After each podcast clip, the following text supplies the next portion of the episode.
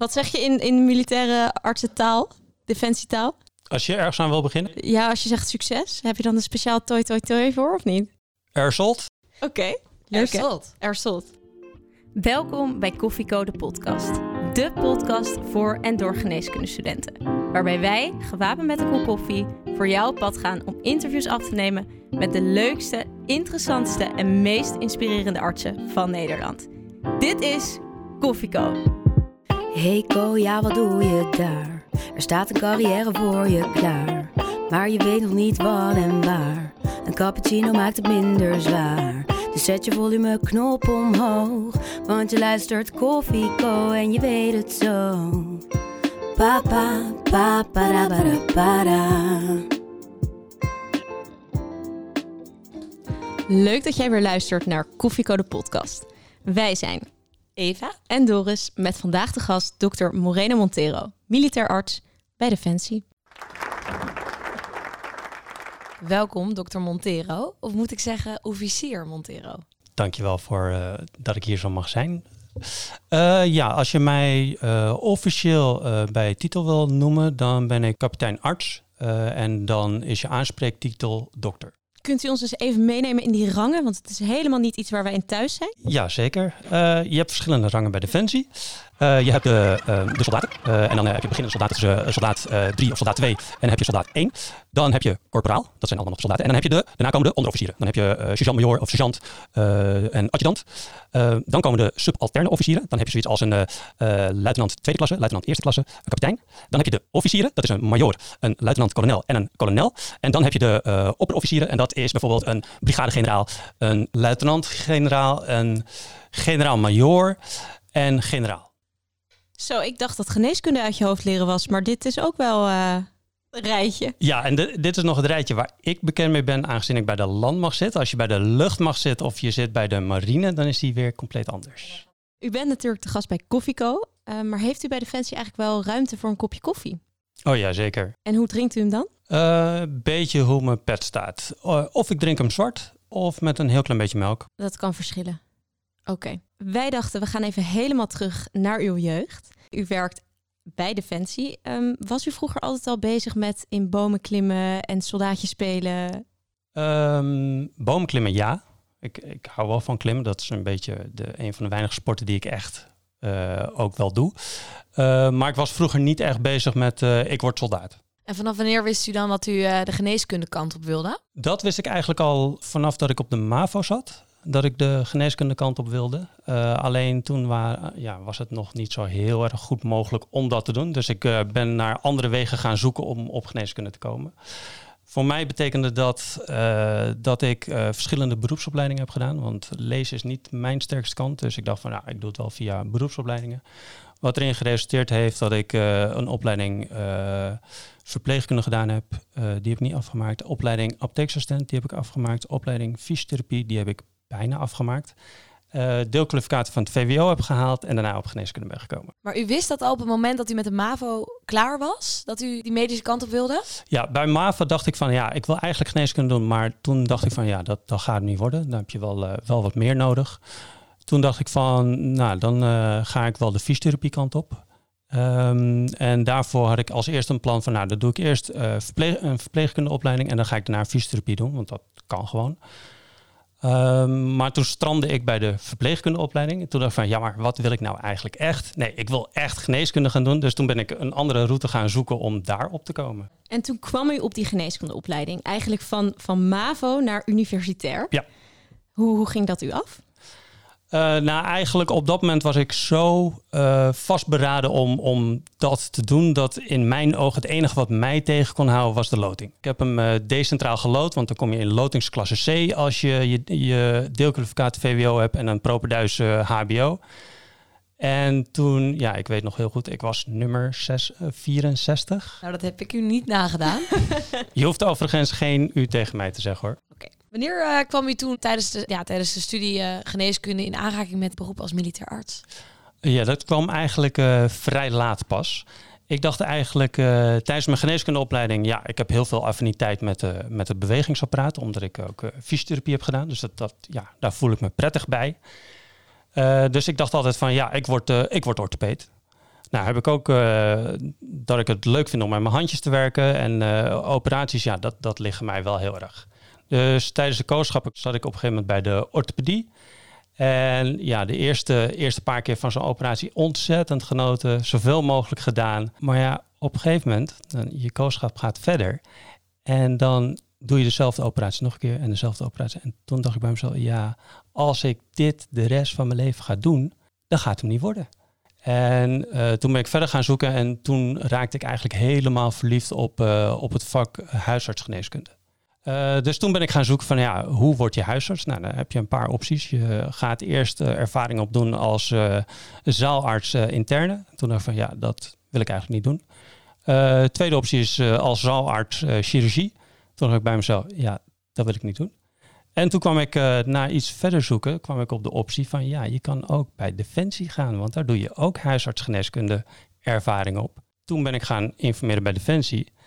En uh, ja, dat is eigenlijk ook wel een leuk verhaal. Ik, ik belde dus bij Defensie, belde ik op van ja, ik, uh, ik ben Marina Montero, ik, ik wil bij Defensie.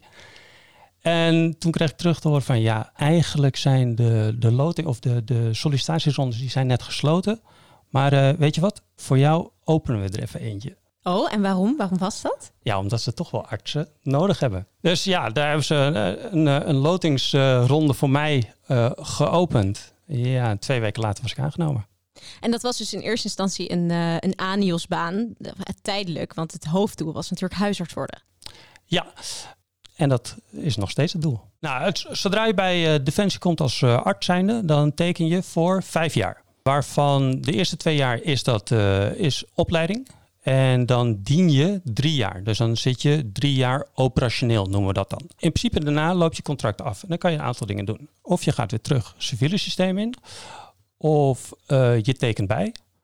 Of je gaat via Defensie uh, verschillende opleidingen doen. En een van die opleidingen is dus een huisartsopleiding. Die kan je gewoon in. Maar word je dan militair huisarts? Of civiel huisarts? Je, de opleiding die je doet is een civiele opleiding. Dus je, je gaat via Defensie uh, solliciteer je bij de uh, civiele huisartsopleiding. Daar doe je ook je opleiding. Uh, alleen Defensie heeft speciaal plekken daarvoor gereserveerd. Dus via Defensie kan je makkelijker zo'n plek bemachtigen. En dan teken je daarna weer bij Defensie bij. Dus het idee is dan wel dat je daarna, na die opleiding, weer teruggaat bij Defensie? Ja, wat mij betreft wel, ja. Heel interessant. Ik wist helemaal niet dat dat zo in zijn werk ging. Dus dat is alweer uh, wat informatierijker voor onze luisteraars. Maar goed, we hebben het nu over uw vakgebied, militair arts bij Defensie. Een specialisme die wij nou, nog helemaal niet over de vloer hebben gehad en in onze opleiding ook bijna niet zijn tegengekomen. Kunt u ons eens vertellen wat het vakgebied nou precies inhoudt? Ja, dat kan ik zeker. Eigenlijk als je kijkt naar wat zijn nou de, de meeste dingen die je doet bij Defensie, is uh, een mengelmoes van twee dingen. Enerzijds doe je heel veel huisartsgeneeskunde. Anderzijds op missies, op trainingen ben je veel bezig met traumageneeskunde. Maar daar blijft het eigenlijk niet bij. Eigenlijk betekent het zoveel meer. Je moet je voorstellen, stel je bent op een, op een uitzending in ergens in de tropen. Ja, daar komen wel veel meer dingen bij kijken. Zoals troopgeneeskunde. Je moet wel weten wat voor vervelende plantjes, vervelende beestjes daar zo rondlopen. Daar moet je wel wat mee kunnen. Maar dit zijn allemaal geneeskundige dingen. Eigenlijk ben je zoveel meer dan met alleen maar geneeskunde bezig. Je bent ook leiding aan het geven. Je bent ook mensen aan het opleiden. Je bent ook een belangrijke bron van uh, informatie voor een commandant. Als die bijvoorbeeld uh, een kamp wil ontplooien, dan, dan ben jij van de medische kant uh, zijn bron om, om dingen aan te geven. Als hij een missie wil gaan doen, ja, dan, dan moet jij medisch gezien moet je dat kunnen afdichten ja, dan moet je ook je, je adviezen naar een commandant geven. Maar het is ook niet altijd medisch. Heeft u daar nog een voorbeeld van? Oh ja, zeker weten. Een onderdeel van de opleiding is de eerste tien weken, waarin je helemaal niks medisch leert, maar gewoon meer de militaire aspecten. Hoe moet je op appel staan? Hoe ga je exercitie uitvoeren? Hoe ga je een wapen uit elkaar halen en onderhouden? Hoe, hoe schiet je? Hoe ga je overleven een week lang in de bossen? Hoe zorg je ervoor dat je niet gezien wordt? Al dat soort dingen ja, hoe, hoe maak je een schaalbivakje? Ja, je moet natuurlijk bij het team, laat maar zeggen, helemaal hetzelfde inhoren, want anders dan val je op. Ja, zeker, zeker. Want als ja, jouw hele team, alle, alle manschappen, alle soldaten zich perfect kunnen verbergen en jij steekt er een beetje, ja, dan ben je wel een beetje een target, ja. We gaan het hier zo nog uitgebreid over hebben. En het klinkt alsof je beroep enorm divers is. Ehm, maar wij willen wel graag weten waarom wij dit nou zouden moeten worden. Dus zou je dat uh, willen pitchen in de specialistenpitch? Ja, zeker. De specialistenpitch. 30 seconden waarin jij de geneeskundestudenten ervan overtuigt om voor jouw specialisme te kiezen. Zoek je serieus naar een divers beroep waar je van verschillende dingen in aanraking komt, van trauma tot aan huisartsgeneeskunde, dan moet je bij Defensie zijn. Maar ook als je als je, je goed kan aanpassen aan, aan situaties waar je niet op voorbereid bent, um, als je op zoek bent naar niet alleen medische dingen, dan moet je bij Defensie zijn. U heeft nog wat tijd over, maar dat maakt niet uit. Ik vond hem uh, heel sterk. Uh, voordat we echt de diepte ingaan, hadden wij uh, bij voorbereiding van dit interview een belangrijke vraag. Ik denk, staat aan de basis om goed te begrijpen hoe dit arts zijn bij Defensie nou in elkaar zit. Waarom heeft de krijgsmacht eigenlijk een eigen geneeskundige dienst? Ja, hele goede vraag. Eigenlijk moet je dan nadenken, als je dat wil beantwoorden, waar staat Defensie voor? Uh, wat, is een belangrijke taakstelling van Defensie? Nou, een van die belangrijke taken is dat het veiligheid moet kunnen geven. Veiligheid in binnenland, veiligheid ook in buitenland. Daarvoor uh, moeten simpelweg soldaten hun werk kunnen doen. Maar ook hun werk kunnen doen daar waar het loodgehalte in de lucht ietsjes hoger is dan dat gezond voor je is. En dat vraagt wel wat van soldaten. Een van de taken van de medische keten binnen Defensie is eigenlijk om de soldaat de moed te geven om zijn werk uit te kunnen voeren. Want op het moment dat hij een gevaarlijke situatie ingaat, dan moet hij erop kunnen vertrouwen van ja, er, er staat een medische keten achter mij. Als er wat gebeurt, dan kan ik opgevangen worden. En eigenlijk streven wij daar de regels voor bij, uh, bij na die we binnen Nederland ook hebben. Als je uh, civiel bent en je, en je raakt gewond, dan heb je een ambulancedienst die je binnen x aantal minuten naar een ziekenhuis kunnen brengen. Eigenlijk streven we dat na bij Defensie uh, ook op, op een uitzending in het buitenland. Maar in het binnenland zouden militairen toch gewoon naar de huisarts kunnen? En uh, met dezelfde ambulance als de rest van de burgers zeg maar mee kunnen? Dat is zeker waar. Um, en in sommige gevallen uh, gebeurt dat ook, zeker weten. Echter, je moet wel bedenken, je hebt artsen. En niet alle artsen worden meteen uitgezonden. Dus je hebt nog wel een, ja, een poeltje van artsen die je kunt gebruiken binnen Defensie. En het is ook wel fijn om die artsen, die je toch al betaalt, om daar gebruik van te kunnen maken binnen Nederland in de vredestijd. Maar hebben militairen een eigen huisarts? Nee, dat zijn wij. Ja, maar dat is toch een beetje omgekeerd redeneren. Want jij zegt nu van, ja, we hebben die artsen, dus we maken er gebruik van, ook in vredestijd. Maar blijkbaar is het nodig om ook in vredestijd militair artsen in dienst te hebben. Mensen kunnen uh, vanuit Defensie kunnen gewoon bij uh, een civiel huisarts aankloppen. Echter, um, moet je ook bedenken, heel veel militairen zitten in een opleiding. Ja, die, die moeten bepaalde dingen doen. Uh, die moeten over een hindernisbaan heen. Die moeten met de bepakking lopen. Die, die moeten allerlei verschillende dingen doen uh, om die opleiding te halen. En wat we heel vaak zien is dat als je, als je civiel kijkt, ja, dan heb je, je hebt geen beeld bij wat een soldaat allemaal doet. Of wat hij kan, of wat hij, wat moet kunnen om zijn werk te kunnen blijven doen. En dan heb je uh, zoiets moois. Ja, dan heb je militair artsen die deels ook eh, een stukje militair opgeleid zijn. En die hebben beeld bij als er iemand met een bepaalde klacht komt. Kan je hiermee het veld in? Kan je een schietoefening doen?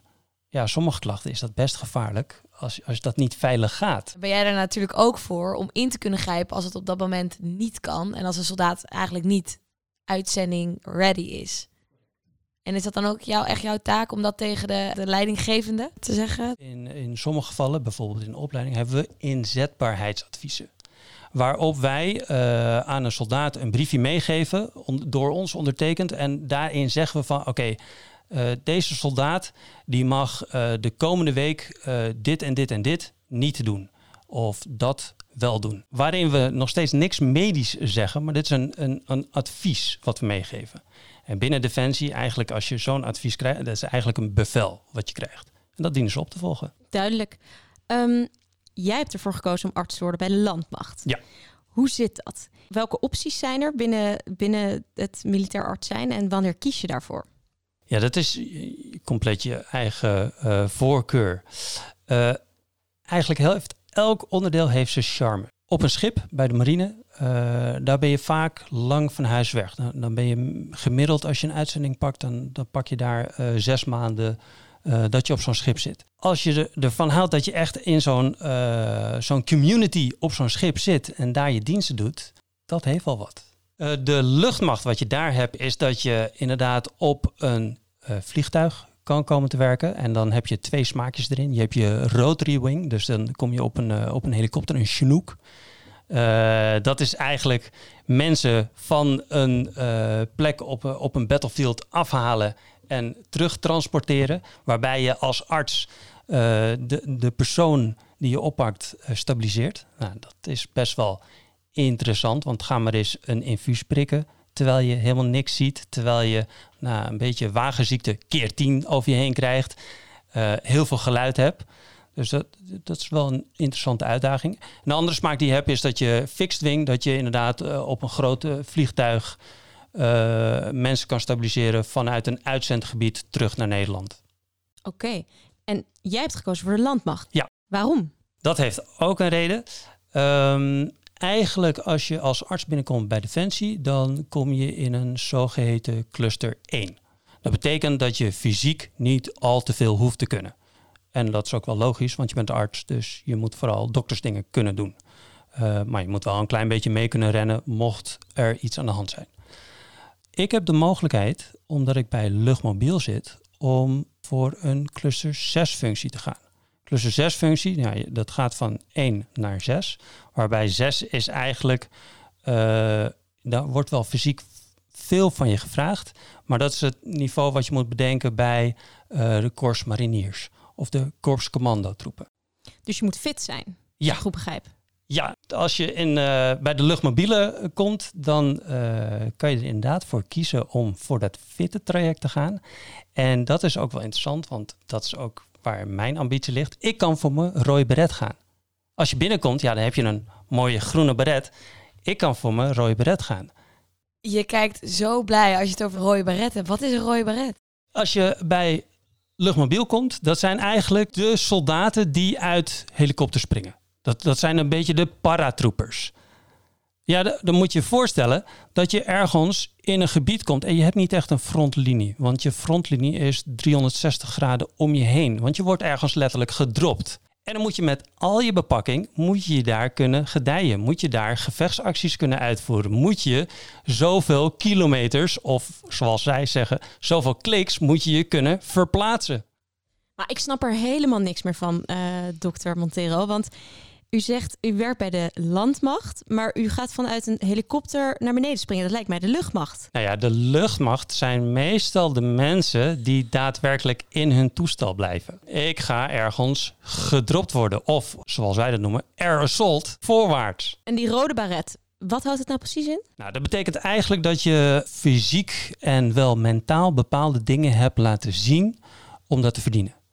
En eigenlijk is dat, vanuit mijn ogen, is dat een gebaar uh, naar de soldaten waar je voor zorgt. Ik zorg voor luchtmobielers, want ik zit bij, uh, bij uh, luchtmobiel.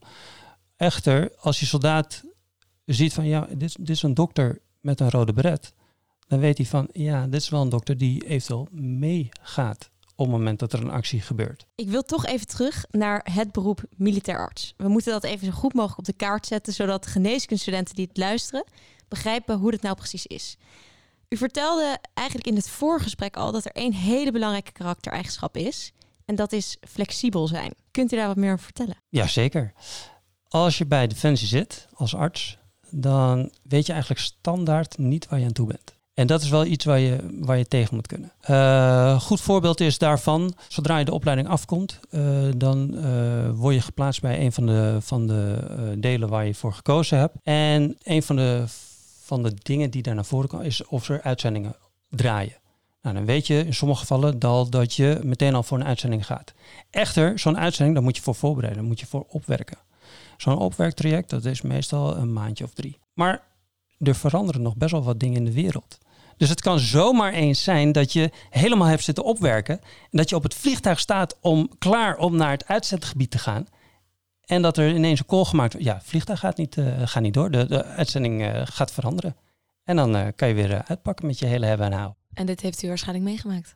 Toevallig met de, met de afgelopen coronaperiode hebben wij ook uh, een stukje thuis gezeten. Met jeukende handen van ja, we willen eigenlijk dingen doen, want je bent nog steeds dokter, je wil mensen helpen. Totdat je ineens een telefoontje krijgt van ja, luister uh, Marijn, je gaat uh, naar Utrecht. Ja, je hebt niet heel veel voorbereid tijd, maar dan moet je sowieso laat moet je daar melden. En ineens ben je ervan, daar sta je ineens in Utrecht um, een IC te bemannen.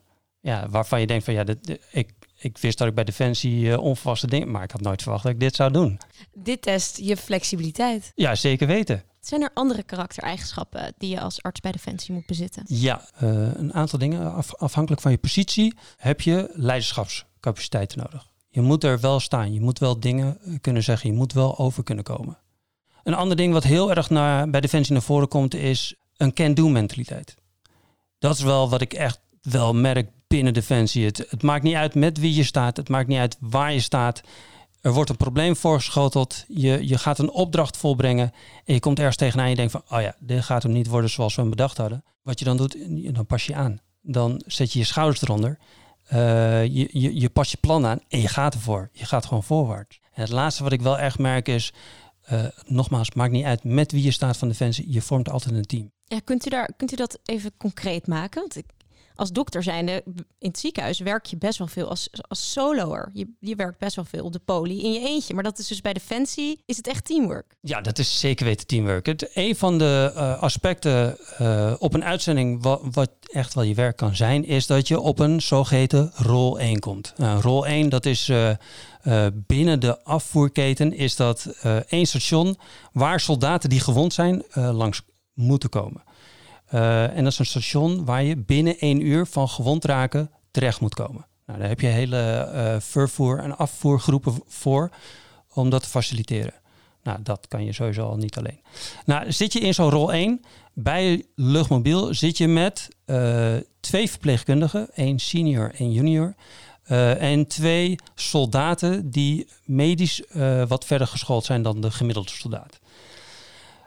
en één AMA, één algemeen militair arts. Dus dat, dat ben jij dan. Uh, als arts kan je prima je werk doen. Als je één gewonde binnen hebt, ja, dan ga je gewoon aan het bed staan en je, doet je doet je ding, letterlijk. Uh, maar komen er meerdere gewonden binnen, ja, dan heb je toch echt wel je verpleegkundige nodig. Dan ga je meestal, ga je als arts, ga je in, in het midden staan en je, je stuurt eigenlijk je twee verpleegkundigen aan. Ja, je, je zit in the middle of nowhere. Eén kilometer achter een frontlinie zit je je werk te doen die mensen die je daar opvangt, die, die moet je wel wegvervoeren. Ja, dus dan moet je in de komst moet je wel radioprocedures kunnen doen. Nou, de meeste artsen die kunnen dat niet. Daar heb je echt wel je, je soldaten voor nodig om de radioprocedures te doorlopen. En hoe hou jij dit allemaal op orde op dat moment? Ja, iedereen heeft zijn taakverdeling. Zelfs tot zo erg dat uh, het kan zomaar zijn dat de frontlinie verschuift. Want dat is meestal niet een statisch gedoe. Dat betekent dat jij met je mooie tent die je daar hebt opgezet, moet je ook gaan verschuiven. Dus dan moet je gaan springen, noemen we dat dan. Dat betekent dat je je hele tent weer in moet pakken met alle spullen die erbij komen kijken. Een nieuwe locatie gaan aanrijden. En dan moet je weer ontplooien. Ja, iedereen heeft ook zijn eigen taak met het ontplooien van zo'n tent. Het spreekt tot de verbeelding, de verhalen die je vertelt over arts zijn bij Defensie. En bij de voorbespreking had u het uh, over een, ja, een welgenoemd knakmoment. Oh ja. Ja, dat, dat is inderdaad een leuke voor mentale vorming. En dan moet je moet je voorstellen, een knakmomentje, ja, wat is nou weer een knakmomentje? Een knakmomentje, uh, wat wij vaak gebruiken daarvoor is, uh, nou, je, je, je zit in zo'n opleiding, moet je dan voorstellen, en begin je maandag, ja, dan, dan weet je van, oké, dit is een veldweek, dus dan ga je het veld in met je bepakking van 20 kilo op je rug en dan ga je in het veld, uh, ergens op een, een hei of ergens in de bossen, ga je dingen doen. Dan krijg je opdrachten, tenten opbouwen, uh, um, acties uitvoeren. Nou, dat kan best wel zwaar zijn. Dan moet je op een gegeven moment van één locatie naar een andere locatie verplaatsen met je hele hebben en houden. Ja, op een gegeven moment, dat, dat doet wel wat met je. Dan, dat, dat put je wel uit. Dus eigenlijk iedereen zit een beetje naar vrijdag te kijken dat je eindelijk weer naar huis kan. Nou, wat ze dan nog regelmatig wel eens doen, is dat... Uh, dat je dan naar een coördinaat moet lopen, want dan weet je oké, daar komt de bus. En vanuit die bus, ja, dan, dan word ik weer naar huis gebracht. Of word ik weer terug naar de, de kazerne, kan ik mijn spullen eventjes uh, onderhouden en dan kan ik naar huis.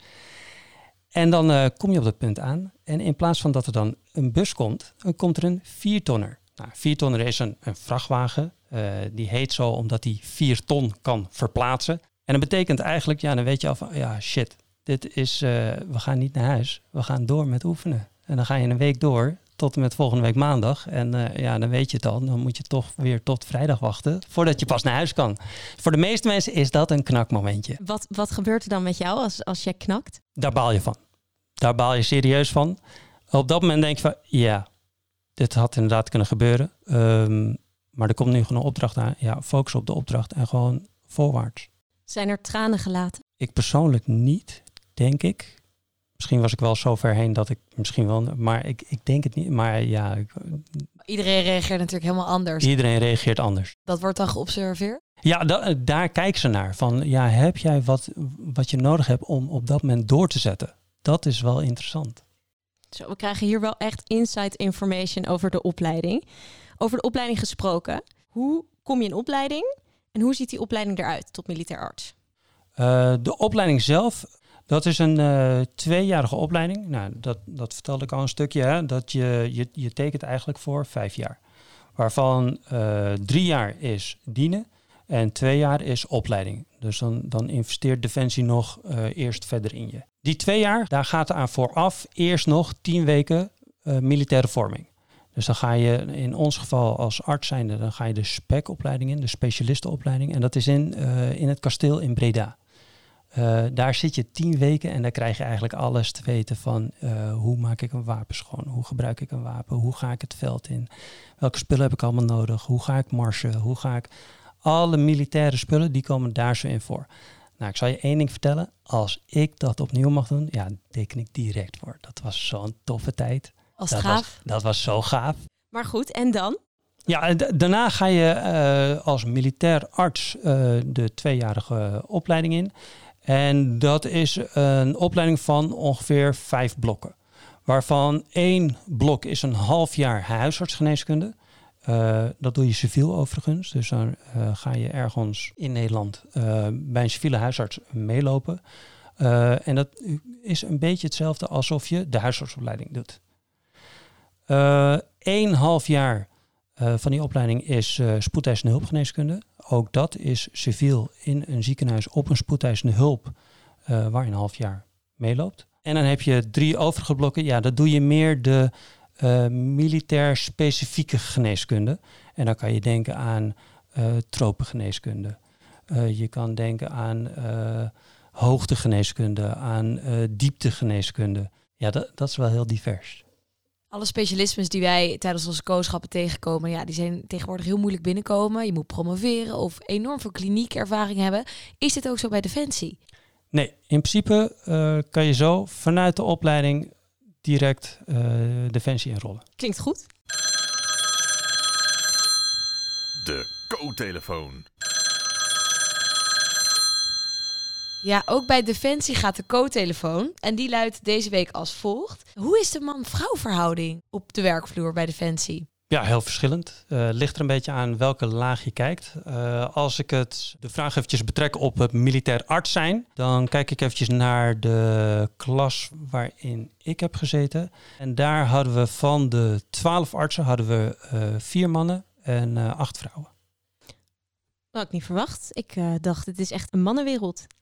Eh, ja en nee. Ja, nogmaals, ligt er een beetje aan waar je kijkt. Eh, kijk, bij de Korps Mariniers, eh, nou, dat zijn die, die grote cluster 6 jongens, dat, dat zijn wel fl- flinke kerels. Daar heb je meer mannen. Echter, daar is nu wel sinds kort het zo dat vrouwen toegelaten worden. Bij de Korps Commando, naar mijn weten, en hang me er niet aan op, is het alleen maar mannen. Ja, dus ook bij Defensie eh, verandert het een en ander. En wij waren wel benieuwd, want ehm, er is natuurlijk een enorme hiërarchie. Maar gaat daar, denk je, nog wat in veranderen in de toekomst? Eh, naar mijn weten eh, gaan we in de toekomst niet daarvan af. En het heeft ook een beetje met ons manier van optreden te maken. Simpelweg, als je een soldaat bent en je krijgt een opdracht, dan voer je hem uit. Ja, het is, het is een beetje wat jouw rang is, eh, aan wie jij eh, opdrachten kan geven of opdrachten moet ontvangen. Ja, dat is wel hoe Defensie werkt. Dus als ik het moet vergelijken met de hiërarchie in een ziekenhuis, die ook nog wel eens voelbaar kan zijn. eh, hoeveel erger is de hiërarchie bij Defensie? het is niet zo dat je uh, als uh, persoon met een hogere rang daar misbruik van kan maken. Dat is wel iets waar, ja, dat kan je niet doen. Dus je, je hebt een bepaalde positie, maar die positie heb je om een reden. Omdat je een bepaald niveau van denken hebt, omdat je bepaalde uh, kennis hebt die je toepast. Dus het werkt eigenlijk zo dat je, je krijgt van hogere hand krijg je een opdracht. Dan heb je als uh, officier zijnde uh, dat je die opdracht kan gaan exploreren. Dus ja, hoe kan ik deze opdracht nu gaan volbrengen? Dan kan je, dan kan je verschillende plannen opmaken. Op een gegeven moment heb jij soldaten onder je en die geef je bepaalde deeltaken. Van ja, ik wil dat jij die eerste drie huizen gaat zuiveren. Ja, dat, dat werkt zo bij Defensie. Oké, wat mij nog niet helemaal duidelijk is, hoor u zeggen, u werkt in een militair hospitaal of op de kazerne. Maar wat is nou de werkplek van een militair arts? Ja, dat is, een interessante vraag. Normaal gesproken, als je bij je onderdeel geplaatst wordt, daar hoort een kazerne bij, dat is dan je kazerne. Voor mij is dat in Assen. Echter, als je bij Defensie komt, zal je vaak zien dat je niet altijd op jouw werkplek zit. Op uitzending, ja, dan zit je helemaal niet op zo'n kazerne. Dan ben je helemaal buiten de deur ergens in een buitenland. Kan ook zomaar zijn dat je in een oefening in Nederland in de bosjes je werk doet. En dat zie je wel vaker, dat je gewoon uh, ergens in het groen op een hei je werk aan het doen bent. En nog heel even over dat militair hospitaal. Want uh, bijvoorbeeld in Utrecht weet ik, naast mijn faculteit zit een militair hospitaal. Ja. Uh, dat is volgens mij hartstikke geheimzinnig, want ik ben er nog nooit in geweest. Maar hoe zit dat dan? Wie werken daar dan? Want dat noemde u niet.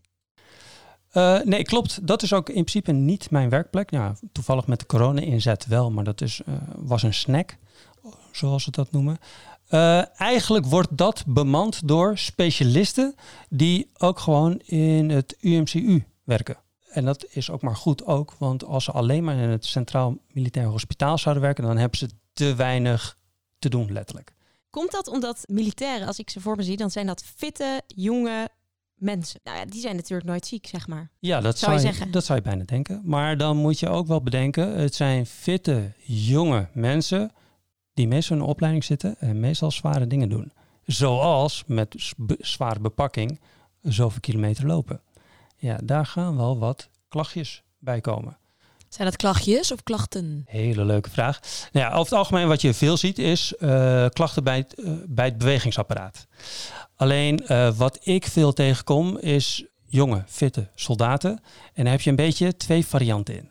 Je hebt de soldaat die nou, een klein beetje uh, aaien over de bol nodig heeft. En uh, die moet je een beetje vertellen van, nou, er is niet zoveel aan de hand. Je kan gewoon doorgaan met de oefening. Uh, en dan hebben ze vaak genoeg bij en dan, en dan, kunnen ze weer door. Je hebt de andere smaak, de soldaat die zoveel wil geven met als gevolg dat hij gevaar geeft voor zijn eigen welzijn. Dat zijn soldaten die moet je een beetje afremmen, zodat ze niet met blijvende schade komen te zitten. Ja, dus bij de ene heb je wat gas, uh, moet je er wat gas op zetten en bij de andere uh, trap je juist even op de rem. Juist. Ja, dat is ook een mooie functie, denk ik, als militair Dat arts. is zeker een mooie functie, want je bent er wel voor hen. Ja, zeker. Uh, ik hoorde je net ook praten over natuurlijk een van de werkplekken, een uitzending. En dat is denk ik ook wel wat wij en onze luisteraars natuurlijk het spannendst vinden om over te horen. Want ja, je gaat bij Defensie, denk ik, om op uitzending te gaan. Vertel. Ja, dat is in mijn geval zeker weten waar. Ik heb wel getekend bij Defensie om op een uitzending te gaan. Helaas, ook weer een stukje aanpassingsvermogen. Toen ik van de opleiding afkwam, was er net de uitzending, uh, de rondes van uitzendingen die uh, voor mijn eenheid gelden, die waren net uh, gestopt. Dus ja, dat is een beetje jammer. Ik zit nog steeds te wachten op een uitzending. Echter, ik heb wel voor mezelf gesteld van ja, als ik nog steeds geen uitzending heb gehad terwijl ik in mijn operationele uh, gedeelte heb gehad, ja, dan teken ik gewoon bij. Ik ga, ik ga niet bij Defensie weg zonder dat ik ook maar iets van een uitzending heb gehad. Wat zou uw droomuitzending zijn? Kunt u daar iets over loslaten? Wat voor uitzendingen zijn er eigenlijk überhaupt? Zijn er verschillende soorten? Ja, er zijn heel veel verschillende uitzendingen. Het belangrijkste wat ik daarover kan zeggen is dat ik daar niet zo over veel over kan zeggen. En dat is ook puur omdat ik daar niet zoveel kennis over heb. Ik ben een dokter. Ik ben niet bezig met wat gebeurt er allemaal, welke uitzendingen, hoe draait het. Dus dat, letterlijk, Daar kan ik je niet eens antwoord op geven, want die kennis heb ik niet. Maar als u in uw mooiste dromen met uw rode baret uit de helikopter mag springen, waar springt u dan? Op welk land? Op welke zee? Eigenlijk maakt me dat niet zoveel uit. Wat mijn droom is, en, en dat is ook uiteindelijk waarvan ik denk van ja, ik ben wel blij dat ik voor Defensie heb gekozen. Wat ik heel tof vind, is uh, je bent een dokter. Dus je, je, je kan doktersdingen doen. Maar als je bijvoorbeeld kijkt naar een cardioloog, ja, die weet superveel van het hart. Maar op het moment dat je me ook maar iets vraagt van, van een ander lichaamsdeel, ja, dan, dan stopt de kennis vaak een beetje. Ik wil eigenlijk later, als ik groot ben, wil ik zo'n dokter worden die gewoon in middle of nowhere, met hele beperkte middelen, nog steeds doktersdingen kan doen. En eigenlijk zie ik dat uh, graag terug in een uitzending. Dat ik in the middle of nowhere dat er dingen gebeuren waarbij je op dat moment gewoon moet aanpassen en moet gaan werken. En dan denk ik bij mezelf van ja, stel nou dat jij zo'n dokter bent, je hebt die ervaring, je komt ooit een keertje terug in Nederland en je gaat je settelen als huisarts. Ehm, en er gebeurt wat in de zin van een calamiteit. En mensen schrikken ervan en mensen raken overromd en je denkt bij jezelf, oh, rustig aan, het komt wel goed. Nou, dat vind ik een heel mooi antwoord. Ik, ik blijf toch nieuwsgierig, want die uitzendingen, dat trekt me gewoon als ik dan zo nadenk, dan heb je bijvoorbeeld oorlogsgebied waar jullie heen zouden kunnen gaan. Of ik kan me voorstellen dat er ergens een humanitaire ramp heeft plaatsgevonden, dat je er dan heen gaan. Zijn dat een beetje de dingen waar ik aan moet denken? Ja, zeker. zeker. Vredesmissies, bestaat dat ook? Ja, zeker. Wat houdt het, wat houdt het eigenlijk in? Uh, nou, stel nou dat uh, een gebied getroffen is door oorlog. Uh, dan zie je vaak dat verschillende diensten dat die kapot zijn. Uh, denk aan uh, beveiliging. Simpel voorbeeld. Dan zou je dus als missie zijnde, zou je als doel kunnen hebben om die veiligheid weer terug te geven aan dat gebied. En dat kan in de vorm zijn van mensen trainen. Simpelweg de, de locals daar zo trainen, opleiden om taak veiligheid uit te kunnen brengen. Duidelijk, heel duidelijk. En dan ga je natuurlijk als, ja, als medisch arts of als militair arts ook mee.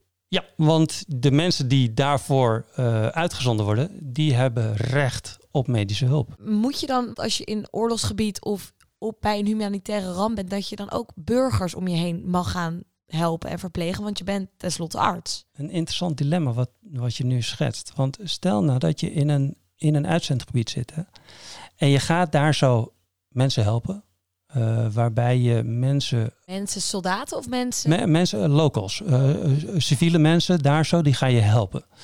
Als je dat doet, dan loop je wel een risico. En niet zozeer een risico voor jezelf, maar een risico voor die bevolking. Zo'n bevolking, moet je voorstellen, die, die heeft een bepaald zorgsysteem.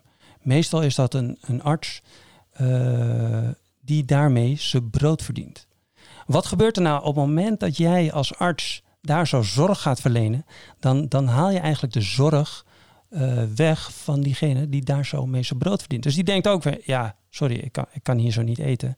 Ik ga wel naar het volgende gebied. Dan ga ik daar zo mijn zorg leveren, want dan kan hij gewoon eten. Simpelweg. Onze missie, die is niet indefinite. Dus je, uiteindelijk ga je weer uh, je terugtrekken. Uh, en mogelijk of naar Nederland of naar een andere missie. Dus dat betekent dat de, de zorg die jij levert, of die je geleverd hebt, die, die trek je eigenlijk weer weg. En dan heb je een probleem gecreëerd. Want dan heb je ineens een populatie waarbij je eigenlijk effectief de zorg kapot gemaakt hebt.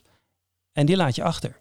Ja, en de missie is natuurlijk niet om een samenleving in de war te brengen. Precies. Maar je handen jeuken wel als je iets ziet als arts waar je iets aan kan doen. Zeker. En merk je dat aan je collega's dat dat echt moeilijke momenten zijn geweest op uitzendingen? Nee, nee, want daarvoor wil je, word je ook wel getraind. Sterker nog, dat is ook wel een aspect uh, in, in je opleiding. Dat geheimzinnige rondom die uitzendingen. Is dat ook zo met collega's onder elkaar? Of kunnen jullie wel heel vrij uitpraten over wat er allemaal is gebeurd op een uitzending? Uh, ja, dat ligt er een beetje aan. Eh, ik heb natuurlijk niet zo heel veel van doen met een uitzending uh, wat plaats heeft gevonden op een schip. Nee, maar ja, het is toch ook een onderwerp wat, uh, misschien een zwaar onderwerp, wat tijdens de lunch ook naar boven kan komen. Ja, nee, wat ik me zo kan voorstellen, nogmaals, ik heb daar zelf nog geen ervaring mee.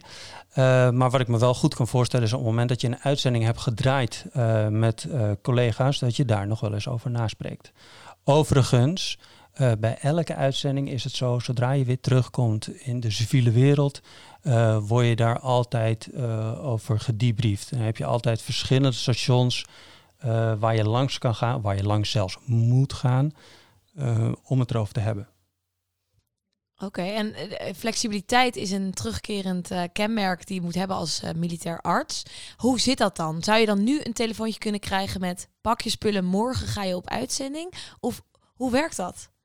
Eh, ja, simpelweg, dat zou kunnen gebeuren. Oké, dus, dus uh, stel je wil met je gezin of met uh, je partner een vakantie plannen. Kan dat? Ja, dat kan zeker. Allemaal annuleringsverzekeringen. Dat, dat kan zeker. Nee, wat, hoe dat werkt is ehm, vaak kan je wel vooruitzien dat er iets gaat gebeuren. Nou, neem bijvoorbeeld de afgelopen periode hadden we het coronaprobleem. Um, daarbij heeft Defensie een taak gehad om daarin te springen, daar waar het civiele systeem erom vraagt. Dat betekent dat wij allemaal klaar stonden.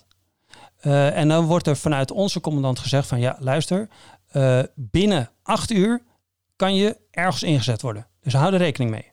Op het moment dat je telefoontje krijgt, acht uur later, sta je daar zo op de werkvloer. Dat vergt wel veel flexibiliteit.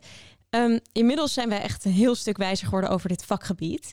Uh, en moeten we denk ik door naar ons item, het doktersdilemma. Maar voordat we dat gaan doen, is het nog wel misschien leuk om, de luisteraars even mee te nemen in wat er voor dit interview gebeurde.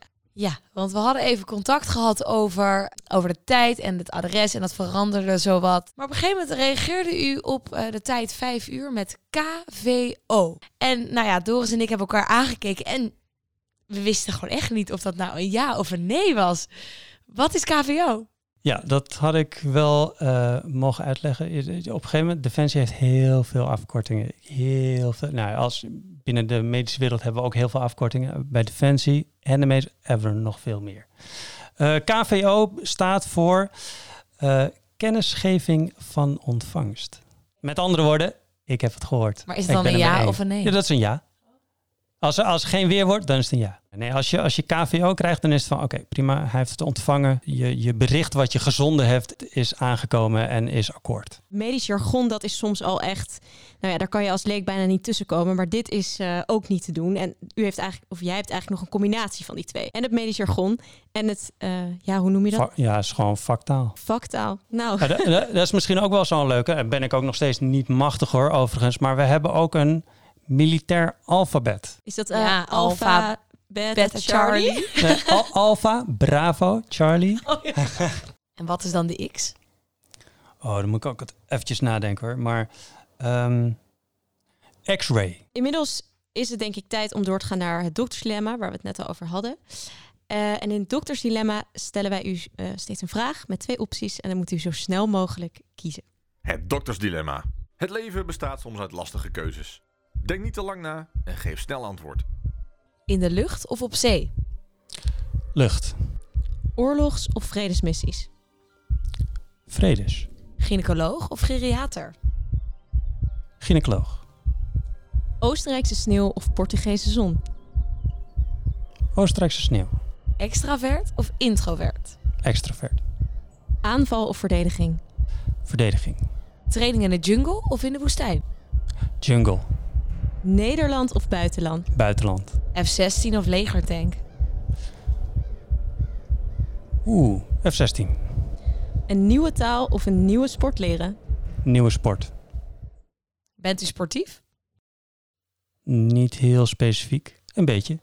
En wat doe je in uh, je vrije tijd als sport? Ja, als uh, ik echt een sport beoefen, dan is het uh, wandklim. Dat is wel echt mijn ding. Ja, en u zei, u zei liever gynaecoloog dan geriater. Waar komt dit vandaan? Ik denk dat je eerder gynaecologisch uh, uh, werk zal verrichten. Denk aan in een uitzending een bevalling tegen kan komen. Ja, dan ben ik liever daarop voorbereid dan dat ik uh, voorbereid ben op de ouderenzorg.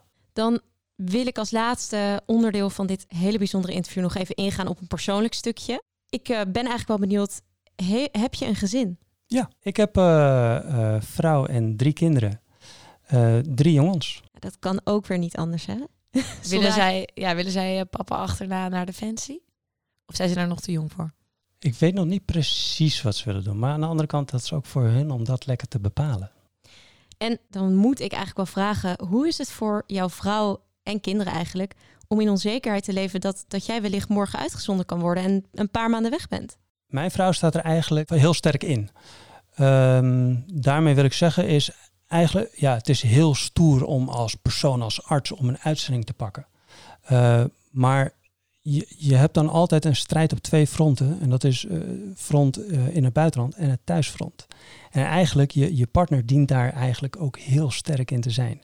Nou, mijn vrouw is eigenlijk zo eentje die eigenlijk dezelfde can-do mentaliteit heeft. Die zegt ook van, ga gewoon, ik zorg ervoor dat het hier op orde blijft. En dat is ook wel iets wat je nodig hebt hoor. Je moet er met z'n tweeën sterk in staan. Dat klinkt goed. Dat klinkt als een goed uh, thuisfront. Um, daarbij zijn we denk ik aan het einde gekomen van dit interview. Dokter Moreno. Dokter Montero. Of Dr. Montero. Moreno. Ja, ja, of gewoon Moreno. Kapitein Montero. Kapitein Arts Montero. Kapitein Arts Montero. Wij eindigen eigenlijk altijd met een leuke tip of een goede uh, tip voor onze luisteraars. Wat zou jouw tip zijn voor de co-assistenten, voor de jonge dokters, onze luisteraars, om, ja, om mee te nemen? Ja, daar heb ik wel een hele interessante voor jullie. Namelijk, je kan, en dat weten heel veel mensen niet, je kan tijdens je kooschappen een kooschap bij Defensie doen. Hoe, hoe regelen we dat? En, en uh, nog een betere tip. Meestal als je dat bedenkt en het punt is daar zo, dan ben je altijd te laat. Dat moet je eigenlijk echt een half jaar of anderhalf jaar van tevoren fixen. Uh, volgens mij is het als vervanging op uh, je bedrijfsgeneeskundige kooschap. En um, weet van die mogelijkheid.